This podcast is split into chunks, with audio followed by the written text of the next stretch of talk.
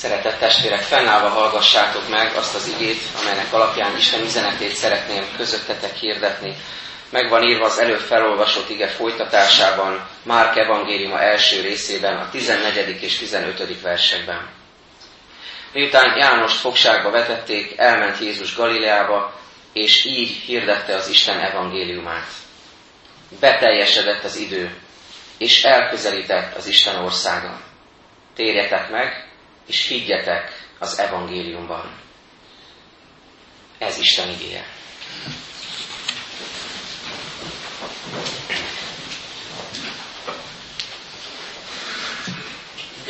Szokás feljegyezni híres embereknek, ismert embereknek az utolsó szavait, és talán közülünk is vannak olyanok, akik valamely elvesztett rokonuknak, szerettüknek utolsó gondolatát, szavát is őrzik a szívükben, nagyon mélyen tudnak bennünk élni ezek az üzenetek, vagy éppen nagyon hétköznapi szavak, amik mégis üzenet értékkel bírnak. És olyan érdekes, ezen gondolkoztam, hogy vajon miért csak főleg ezeket az utolsó szavakat hordozzuk magunkban, miért nem figyelünk az elsőkre is. Talán azért, mert azoktól időben távolabb vagyunk, pedig mennyire fontosak, mennyire, mennyire jelentősek az első szavak is. Például egy kisgyereknek az első szava. Édesanyák bizonyára emlékeznek a saját gyerekük első szavaira, még hogyha csak olyan esetlenül is jöttek ki a hangok a gyermek szájából, de mégis vissza lehet emlékezni erre a szülők szívében ott élnek ezek a pillanatok, ezek a szavak. Vagy egy kapcsolatnak a hajnalára is ugyanígy vissza lehet emlékezni, amikor egy barátság bontakozik ki, egy jelentőségteljes, egész életre szóló kapcsolat, vagy egy szerelem, egy házasság, ahogyan elindul, akkor is visszaemlékezhetünk arra, hogy mik voltak az első szavak, ahogyan egymást megszólítottuk. Vagy ha valakivel e, hosszú idő után találkozunk újra, és amit akkor mond, az is nagy e, jelentőséggel bírhat, és fontos lehet számunkra. Vagy egy fontos esemény, egy előadás, egy beszéd első szava is nagyon meghatározó lehet, ahogyan megszólít bennünket, megragadja a figyelmünket, és visszaemlékezünk rá a végén is. Márk evangélista a legősibb evangéliumnak, a legrövidebb evangéliumnak a leírója, leírója, szerzője. Ő nagyon tömören, nagyon lényegre törően, nagyon letisztultan, egyszerűen fogalmaz az egész evangélium során. És így van ez az első részben is, ahol gyors egymás utánban látjuk azokat az evangéliumi történeteket, amit a többi evangélista sokkal hosszabban, ráérősebben ír le. És így látjuk Jézusnak az első szavait, ahogyan kiáll az emberek elé, és ebben a jelentőség teljes pillanatban Jézus a következőt mondja az evangélium hirdetése kezdetén, beteljesedett az idő, és elközelített az Isten országa. Térjetek meg, és higgyetek az evangéliumban. Most átvett negyedik vasárnapján Jézusnak a már kírása szerinti evangélium leírásában az első szavaira figyeljünk, figyelmezzünk, és nyissuk meg a szívünket arra, hogy mi az, amivel belép az emberek közé, mi az, amivel belép az evangélium üzenetét hirdetve a mi életünkbe is Jézus Krisztus. Nézzük sorra, hogy miket mond ebben az első megszólalásában, első üzenetében. Rögtön az első így hangzik, beteljesedett az idő.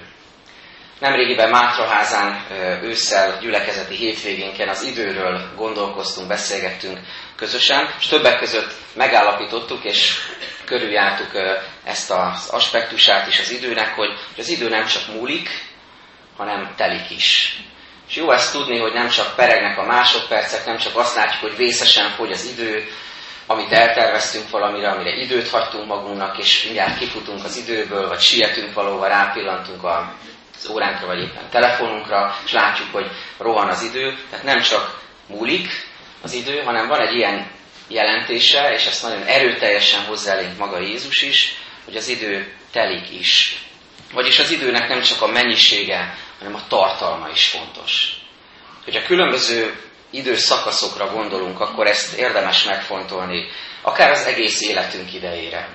Amit eddig leértünk, vagy amit majd ad Isten. Igaz az, hogy nem csak a mennyisége számít, hanem a minősége is, hogy mivel telt az meg, mi volt a tartalma, vagy egyetlen esztendőnknek az ideje, hogyha erre a mögöttünk lévő 2016-os évre visszapillantunk. Nem csak az eddig megélt, megtapasztalt napok száma számít, hanem az is, hogy mivel telt az meg. Vagy ha az egész történelem idejére gondolunk, vagy csak éppen ellenkezőleg egyetlen percre vagy másodpercre. Nem csak ezeknek a száma a lényeg, hanem az, hogy mivel telik meg, mivel töltjük azt meg, illetve Isten mivel engedi megtölteni. Amikor tehát Jézus azt mondja, hogy beteljesedett az idő, akkor így is lehet ezt érteni ebben a kontextusban, és ez ránk is igaz lehet, hogy betelt, tele lett az idő. Mintha öntenénk egy pohárba vizet, és egészen pontosan meg lehet azt mondani, hogy mikor van az tele, és mikor csordul túl, mikor lesz, mikor nem tudja már befogadni a pohár a víz mennyiségét, betelik az idő. Mindazzal, aminek meg kellett történnie előtte. Van egy időpillanat, aminek a részesei vagyunk, ez az idő beteljesedés, az idő közepe, ahogy szoktuk mondani, amikor Krisztus eljön erre a világra, és így kell felfogni tehát az idő beteljesedését, hogy minden megtörtént már addig, ami Isten tervében benne volt. Csak címszavakban gondoljuk ezt át, hogyha a Biblia történéseit végigvesszük. Megtörténik a teremtés. Az ember teret kap arra, hogy, hogy megélje az Isten dicsőítését, hogy legyen hol vigyázni arra a területre, amit Isten rábízott, hogy legyen társa, hogy legyen feladata, és hogy Istent tudja, az Istennel való kapcsolatot tudja megélni. Megtörténik ez, de megtörténik a bűneset is, az Úrtól való elszakadás, az engedetlenség eseménye. Megtörténik a szövetségkötés, megtörténik a fogságba vettetés Isten népe életében, de megtörténik a szabadítás és a szabadulás megtapasztalása több ízben is. Isten népe törvényt kap. Isten népéhez Isten profétákat küld. És ez ránk is vonatkozik. Isten küldi az ő üzeneteit. A proféták megfogalmazzák az eljövendő messiásra előremutató üzeneteket, Jézus Krisztusra előremutató üzeneteket. Az emberek, a proféták legtöbbét megölik, nem bírják hallgatni az üzeneteiket. És mondom, mindez megtörténik addig, amíg egyszer csak az idő közepén Jézus eljön. Minden készen állt. Akkor, amikor az idő beteljesedett. Készen állt az is, hogy a, a pogány népek körében is, hiszen nem csak a zsidókról ír a Szentírás, hanem a pogány népekről is, a pogány népek életében is volt egy hihetetlen lelki vágyakozás. Üresség is, és vágyakozás is, valami többre, valami teljesebbre. Vagyis csodálatos módon Isten mindent előkészített addig, amíg végül beteljesedett az idő, és eljött a messiás, Jézus Krisztus. De mit kezdjünk mi ezzel? Mit kezdjünk mi ezzel a 21. században, amikor az időről is valahogy egészen másként gondolkodunk, minden felgyorsult, mindent másként tapasztalunk, sokkal több ismeretünk van a történelemről is, mindenről értesülünk, ami ebben a pillanatban is történik a világban, majd testvérek hazamennek, és biztos vagyok benne, hogy van közöttünk olyan, aki rögtön leül a számítógéphez, és megnézi, hogy az elmúlt 60 percben mi történt a világban. Tehát mi mindenhol ott vagyunk, és rögtön értesülünk mindenről, és, és tudni akarunk mindenről. Vajon mit jelent nekünk ma ez a gondolat Jézustól, hogy beteljesedett az idő? Az életünkben is igaz ez, és egészen közel hozzá ezt számunkra Jézus Krisztus ebben az örömüzenetben, hogy igaz ránk az, hogy nem csak múlik az időnk, hanem telik is. Pénteken az egyik idős otthonban voltunk Isten tiszteleten a gyülekezet pár tagjával együtt, és vittünk ajándékot, vittünk igét, süteményt, jószót, és köszöntöttünk egy százesztendős nénit. Az idős otthonban Nelly nénit, aki 1916-ban született, gondoljunk bele. Most emlékeznek többen Ferenc József születésének századik, vagy halálának századik évfordulójára.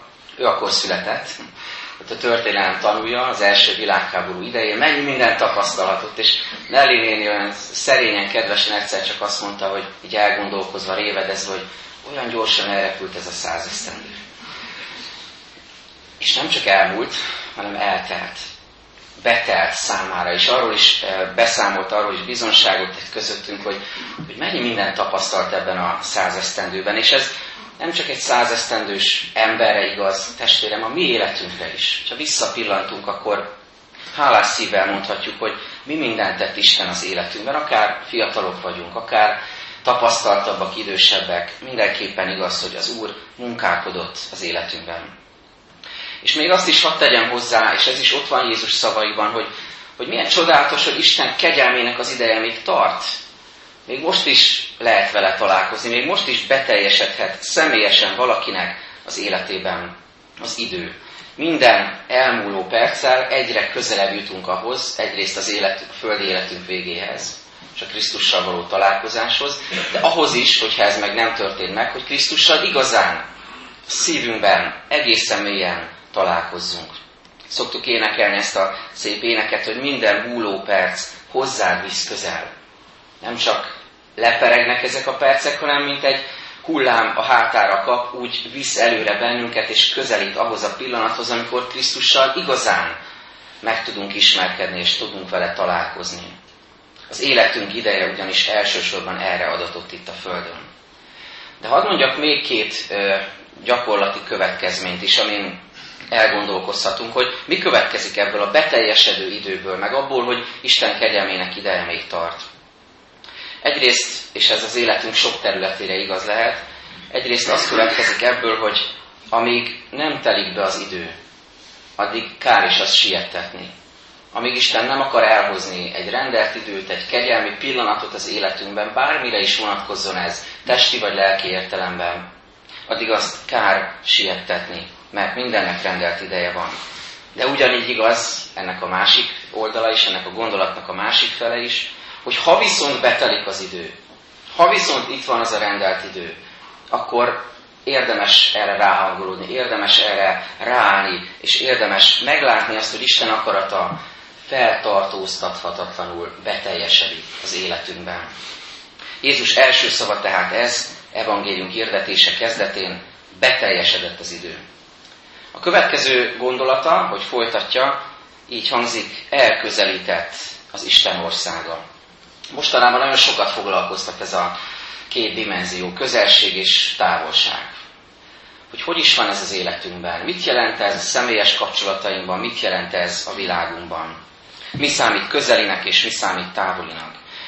Arra gondoltam, hogy nem is olyan régen mindenki tulajdonképpen egy helyen élt a világban. Tehát hallottam olyanokról, akik, és nyilván sok ilyen volt, akik ki sem mozdultak a falujukból. Nagyapám, édesapám is mesélt erről, hogy nem igen láttak túl az, azon a horizonton, amit a házuk, a portájuk ö, ö, szemszögéből láthattak. Ott éltek, ott valósították meg az álmaikat, ott dolgoztak, ott ö, küzdködtek, ott örültek. Egy bizonyos kis terület volt az, ami az embernek a, a létezésének a tere volt. De talán még ma is vannak ilyen emberek, akik így élnek. Nemrégiben olvastam egy alaszkai faluról, ahol a falu egész lakossága, 220 ember egyetlen emeletes házban él. Ezt egyébként már gyerekkoromban is elgondoltam, hogy lakótelepen nőttem föl, és egyszer kiszámoltam, hogy hányan lakunk a lépcsőházban, és arra gondoltam, hogy hát ez egy falu. Tehát egy lépcsőházban él egy falu, mennyire abszurd. Tehát ebben az alaszkai faluban egy hatalmas emeletes házban 220 élnek, üzletek vannak, munkahelyek vannak, ki se kell tenniük a lábukat az embereknek, nem is nagyon szeretnék, mert azért élnek egy, ház, egy, egy házban, egy házban, mert is, iszonyú zord az időjárás, és ezért nincs kedvük kimenni. Tehát ez nagyon megfogott, hogy, hogy ők, nekik ez, ez a, a létezésüknek a tere, ezzel nem is nagyon látnak túl, esélyük sincs innen kiszabadulni tulajdonképpen. És majd nézzük meg a másik dimenziót is, és miközben így élnek emberek a Földön, meg így éltünk sokáig, közben pedig a gondolataink már szárnyalnak, űrszondáink elérik a naprendszer peremét, azon gondolkozunk, hogy lassan embert küldünk a Marsra, bár sokan ember kétkednek, de hát álmodozni lehet. Tehát ilyen álmaink vannak, szárnyalnak az álmaink, most akkor mit jelent közelség, és mit jelent a távolság egy ilyen világban, ahol ilyen szélsőségeket tapasztalunk meg? Vajon számít-e még bármit is, amikor minden távolságot látszólag le tudunk küzdeni? De vajon tényleg így van-e? Tényleg le tudunk-e küzdeni bármilyen távolságot? Én azt látom, testvéreim, hogy bármennyire is fejlett a modern technika, az Istentől való távolság, a másik embertől való távolság, és az eredeti küldetésünktől, az emberségünktől, az isteni tervtől való távolság, az ugyanúgy megmarad. Akármennyire szárnyal, akármennyire előre szalad is a gondolatunk, a fantáziánk, vagy a tudományos képességeink. Hiába küzdi le az emberi technika a földrajzi, táv, a csillagászati távolságokat, hogyha közben a lelki távolságok okozta sebeket ott hordozzuk a szívünkben. Hiába szaladnánk a világ végén is egy olyan űrhajóval, amit hamarosan megtervezünk, csodálatos módon, hogyha két ember közötti távolság áthidalhatatlannak tűnik. Tóth Árpád fogalmaz ezt nagyon találóan. Ó, jaj, az út lélektől lélekig. Küldözzük a szem csüget sugarát, és köztünk a roppant jeges űr lakik.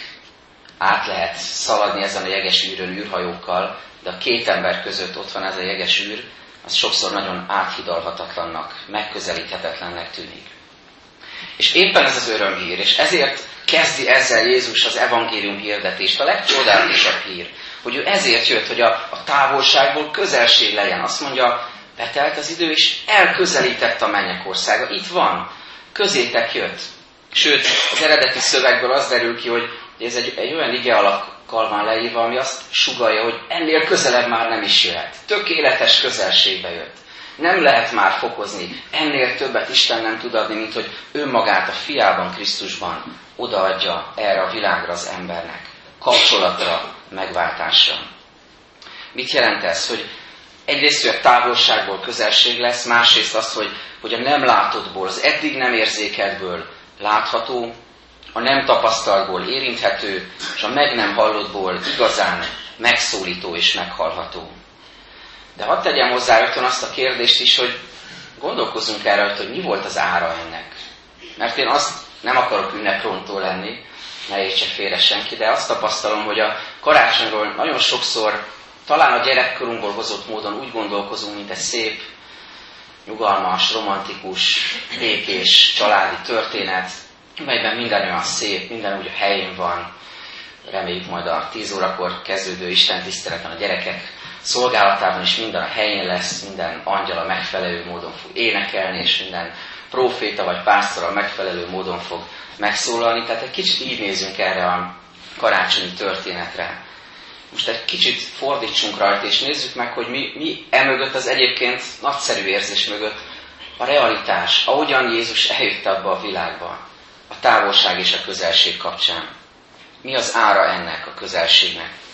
Például az, hogy Jézus Krisztus elhagyta az igazi otthonát, a dicsőséges, fényes mennyországot, ahogy Pál mondja a Filippi 2-ben, Jézussal nézve, aki Isten formájában lévén nem tekintette zsákmánynak, hogy egyenlő Istennel, hanem megüresítette önmagát, szolgai formát vett fel, emberekhez hasonlóvá lett, és emberként élt. Aztán, ha tovább folytatjuk, a maga a megszületés is a szülői háztól távol történik, egy istálóban, jászóba fektetik Jézust, ahogy a Lukács 2-ben olvassuk, bepójálta és a jászóba fektette, mivel a szálláson nem volt számukra hely. Nincsenek otthon, távol vannak, és még ott sincs számukra hely. Ez a realitása annak, ahogy Jézus eljön ebbe a világba, hogy a távolságból közelség legyen. De még tovább megyünk, ahogy nézzük Jézusnak a földi szolgálatát, mit olvasunk arról, egyszer odalép hozzá egy írástudó, és azt mondja neki, Mester, követlek téged bárhová még. Jézus ezt mondta neki. A rókáknak barlangjuk van, és az égi madaraknak fészkük, de az ember fiának nincs hova fejét lehajtania. Ahhoz, hogy mi a közelséget megtapasztalhassuk, Jézusnak ezt a távolságot az élete során is át kellett élnie. És végül a halálával kapcsolatban is ezt írja az apostol, ezért Jézus is a kapun kívül, tehát a városon kívül szenvedett, hogy megszentelje a népet tulajdonvére által. A legnagyobb távolságot, a kereszt áldozatnak a távolságát, még úgy is, hogy a városon kívül feszítik keresztre, a Golgotán át kellett élnie Jézusnak, azért, hogy mi közelivé válhassunk számára. Jézus azt mondja, elközelített az Isten országa, és még ennek a gondolatnak a második felére is hadd tegyünk hangsúlyt, hadd húzzuk alá. Isten országa. Több olyan biblia fordítás van, ami úgy adja vissza ezt, hogy Isten királysága. Ugye az angol fordításban is a kingdom szót olvassuk. De egyébként a görög eredetiben is a basileia szó, az a királyságot jelenti szó szerint, az uralkodást.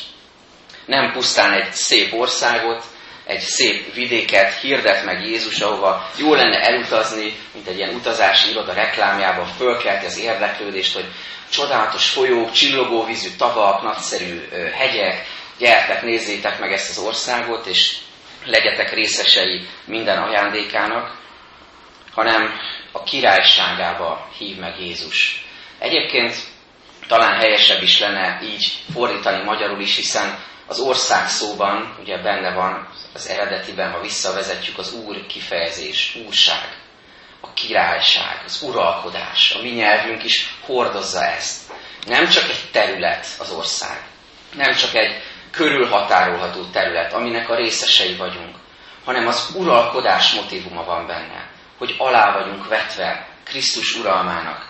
És ezt jelenti az, amikor Jézus meghirdeti, hogy közeljött, elközelített az Isten országa, hogy ő nem csak átutazókba hív bennünket, nem csak turistaként hív meg bennünket, nem csak látványosságokat kereső, kereső kultúrutazónak hív meg bennünket az országában, hanem úgy hív meg, mint király. Király, aki, aki szeretné, hogyha az életünk minden területén ő tudna uralkodni a szívünkben. És emellett szeretne segíteni, szeretne növekedést adni, szeretne kiteljesíteni, szeretne bátorítani, szeretne vigasztalni, szeretne helyreállítani, változást hozni az életünkben. És emellett alkan tegyük hozzá, hogy szeretne szolgálni is nekünk. Mert ilyen király nem volt és nem lesz az emberiség történetében, amilyen Jézus Krisztus. Mert ő olyan királyként szólít meg, aki nem csak uralkodik menjen és földön, hanem egészen mélyre hajol, leteszi az életét, és szolgál nekünk, legfőképpen kereszt halálával. Elközelített a mennyek országa. És végül azt is mondja, térjetek meg, és higgyetek az evangéliumban. Engedjétek meg, hogy a megtérés szónak két vonatkozását hadd mondjam röviden. Mit is jelent ez most számunkra? Egyrészt jelenti azt, amikor Jézus Krisztus hívó szavát meghalljuk, és a Szentlélek munkája által engedelmeskedünk ennek a hívó szónak, és ez egy, egy örök érvényű változást, egy szívcserét, egy szívbeli változást hoz létre az életünkben. És természetesen az életünk minden területén a megszentelődés következtében. És ezáltal ráállhatunk arra az útra, amelyen Jézus szeretne vezetni bennünket a továbbiakban. Ővé lesz a szívünk, ez a legfontosabb változás a megtérés kapcsán. Hadd olvassak egy idézetet, mely Tolstoytól való. Ő így ír. Öt évvel ezelőtt hithez jutottam. Elfogadtam Jézus tanítását, és hirtelen egész életem megváltozott. Nem kívántam többé azt, amit azelőtt kívántam. Másrészt kezdtem kívánni azt, amit azelőtt soha nem kívántam. Ami korábban jónak tűnt a szememben, gonosznak látszott. És ami valamikor gonosznak tűnt, jónak látszott. Mondja ő. Egészen valóságos élmény, egészen különleges megfogalmazás annak, amit a megtérés az ember életében jelent. Ugyanakkor hadd hozzam ide a megtérés másik vonatkozását is, hiszen ezt is jelenti az, amit Jézus meghirdet. Ez pedig a naponkénti változás, a naponkénti megtérés. A naponkénti visszafordulás azokról az útjainkról, amik tévesek, bűnösek, hibásak, amelyeket elrontottunk, elhibázott döntéseinkből, elrontott szavainkból vissza lehet térni, meg lehet térni, és újra rá lehet térni arra az útra, amit Jézus készített. A szeretetlen viselkedésünkből, a Krisztus nélküli létezésünkből meg lehet naponként fordulni, ez is a jó hír, az örömhír lényege. Térjetek meg, mondja Jézus, és végül azt mondja, higgyetek az evangéliumban. Valaki egyszer találóan azt mondta az evangéliumra nézve, hogy az evangélium nem jó tanács, hanem jó hír. Annyi jó tanács van az életünkben, annyiféle jó tanácsot lehet egymásnak mondani, és sokszor a keresztény ember is azt várja a Bibliától, Istentől, az egyháztól, hogy adjon jó tanácsokat arra, hogy hogyan kéne élni. De az evangélium az nem jó tanács. Jó tanácssal tele vagyunk testvérek. Annyi könyvet lehet ilyenekről olvasni, és egymásnak is mondunk jó tanácsokat. De jó hír, az arról szól, ami már megtörtént. Amit Krisztus tett értünk. Amit Isten tett értünk azáltal, hogy Jézus elküldte ebbe a világba. Ez a jó hír. Ne csak mondjuk, ne csak hirdessük, ne csak olvassuk, ne csak idézni tudjuk az evangélium szavát, a Szentírás szavát, hanem éljük is. Ezt jelenti az, hogy higgyetek az evangéliumban. Hogy az evangélium határozza meg minden szavunkat, minden gondolatunkat, minden érzésünket, minden kapcsolatunkat, a munkavégzésünket, a családi életünket, barátságainkat, a szerelmeinket, a közösség megélését, a tanulmányainkat, azt, ahogyan jelen vagyunk egymás életében. Az evangélium életformáló erő, és erre hív Jézus bennünket, térjetek meg és higgyetek az evangéliumban. Két példát hadd mondjak erre csak. Az egyik Spurgeonnel kapcsolatos, aki egy híres igehirdető volt, és Londonban óriási istentiszteleti helyen, egy óriási épületben több ezer embernek hirdette az igét, és egyszer jönnek ki az emberek az Isten tiszteletről, és az egyik kérdez, vagy egy ismerőse kérdezi az onnan kijövő üzletembertől, aki pénzt is hamisított, és néha nem tiszta eszközökkel élt, hogy miről prédikált ma Spurgeon. Azt mondja, arra nem emlékszem pontosan, de azt tudom, hogy a hamis fontjaimat a temzébe dobtam. Az evangélium életformáló erő. Nem biztos, hogy fel tudod idézni, hogy mennyi mindent mondott neked Isten szó szerint ebben az évben is. De ha változott az életed, akkor az evangélium életformáló erővé vált. Egyik testvérünk a valamelyik bibliaórán említette nemrég, pár hónappal ezelőtt beszéltünk egy bibliai igazságról, alapelvről, hogy hogyan lehet konfliktusokat kezelni, vagy hogyan lehet az indulatainkat, érzéseinket kezelni, és azt mondta nagy örömmel, hogy azóta már kétszer működött ez az életemben. Milyen nagy csoda, hogyha tudjuk ezt mondani, hogy valamit megértek, és az már kétszer, vagy legalább egyszer már működött az életemben. Életformáló erő. És a másik, ugye említettem, hogy ne csak idézzük, ne csak gondoljuk, hanem éljük is. Szintén spurgeon kapcsolatos, ez az ő általa elmondott példa, a limonádé árus lányról, aki árulja a kislánya az utcán a limonádét, és oda megy hozzá valaki, és megkérdezi, hogy kislány, finom ez a limonádé? És ő azt mondja, hogy nem tudom, még nem kóstoltam. Vajon kóstoljuk-e az evangéliumot? Vagy csak mondjuk? Vagy csak terjesztjük? Vagy csak hirdetjük? Ha igazán megkóstolom, ha igazán az életem részévé válik, akkor tudok róla bizonyságot tenni, hogy igen, ez az én életemet is képes megváltoztatni. És befejezésül azt a gondolatot hadd hozzam elétek, gondolkozzunk rajta majd még karácsony felé haladva is, hogyha túl sokszor az jut eszembe, hogy én mit tettem emberekért, Istenért, közösségért, a nagy világért, mit tettem én, akkor talán még nem az evangélium van a szívem középpontjában. Mert az evangélium lényege az, hogy Jézus mit tett értem, hogyan szolgált nekem, és mit tud általam tenni mások életében is. Ez Jézus élő szava, ami vezethet bennünket az ünnep felé most is. Halljuk újra, beteljesedett az idő, és elközelített az Isten országa. Térjetek meg, és higgyetek az evangéliumban. Amen. Helyünkön maradva csöndesedjünk el, és magunkban imádkozzunk először.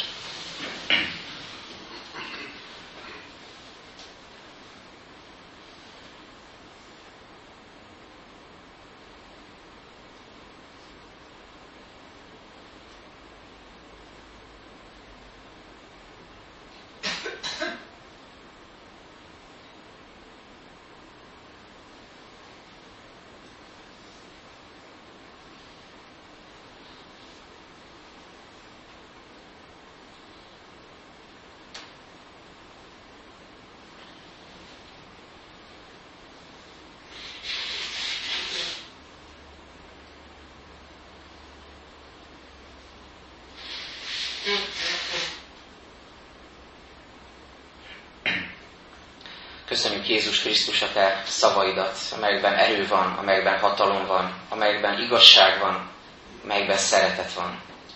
Köszönjük, hogy Te úgy tudsz megszólítani bennünket, hogy ez felemel. Úgy tudsz most ebben a csöndben halkan odalépni hozzánk, és megérinteni bennünket, a szívünket, hogy az igazán bátorító legyen. Látod, Urunk, hogy mi mindennel küzdködünk ezekben a napokban, hetekben. Látod a sebeinket, sebzettségünket, fájdalmunkat, hiányainkat, látod várakozásunkat, vágyainkat, hogy mit szeretnénk kapni, mit szeretnénk tapasztalni, elérni. És látod azt is, Urunk, hogy sokszor hogyan vergődünk az életünkben, amikor nélkület próbálkozunk. De köszönjük, Urunk, hogy Te újra megmutattad ebben az igében, hogy hogy nem szeretnéd, ha nélkület próbálkoznánk, hanem szeretnél az életünk részévé válni. Kérünk, hogy lelkeddel, igéddel, éltető szavaddal Te irányíts bennünket, vezess gondolatainkat, Te építsd kapcsolatainkat, közösségünket, gyülekezetünket, a Te egyházadat szélesebb világon, a keresztények közösségét, nemzetünket, Urunk, Te légy mindannyiunk építője. Segíts mindannyiunkat, hogy az evangélium ne csak érintőlegesen érjen el bennünket, ne csak súroljon bennünket, hanem legyen a szívünk középpontjában. A jó hír, hogy Te mit tettél értünk.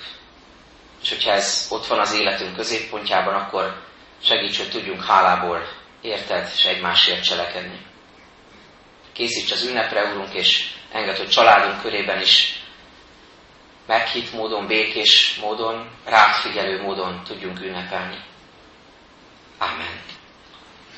Ti azért így imádkozzatok, mi atyánk, ki a mennyekben vagy, szenteltessék meg a te neved.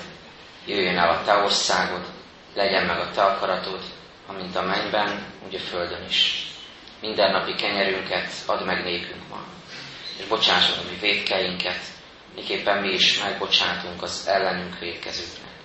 És ne védj minket kísértésben, de szabadíts meg minket a gonosztól, tiéd az ország, a hatalom és a dicsőség, mind örökké fennállva énekeljük nemzeti imádságunkat.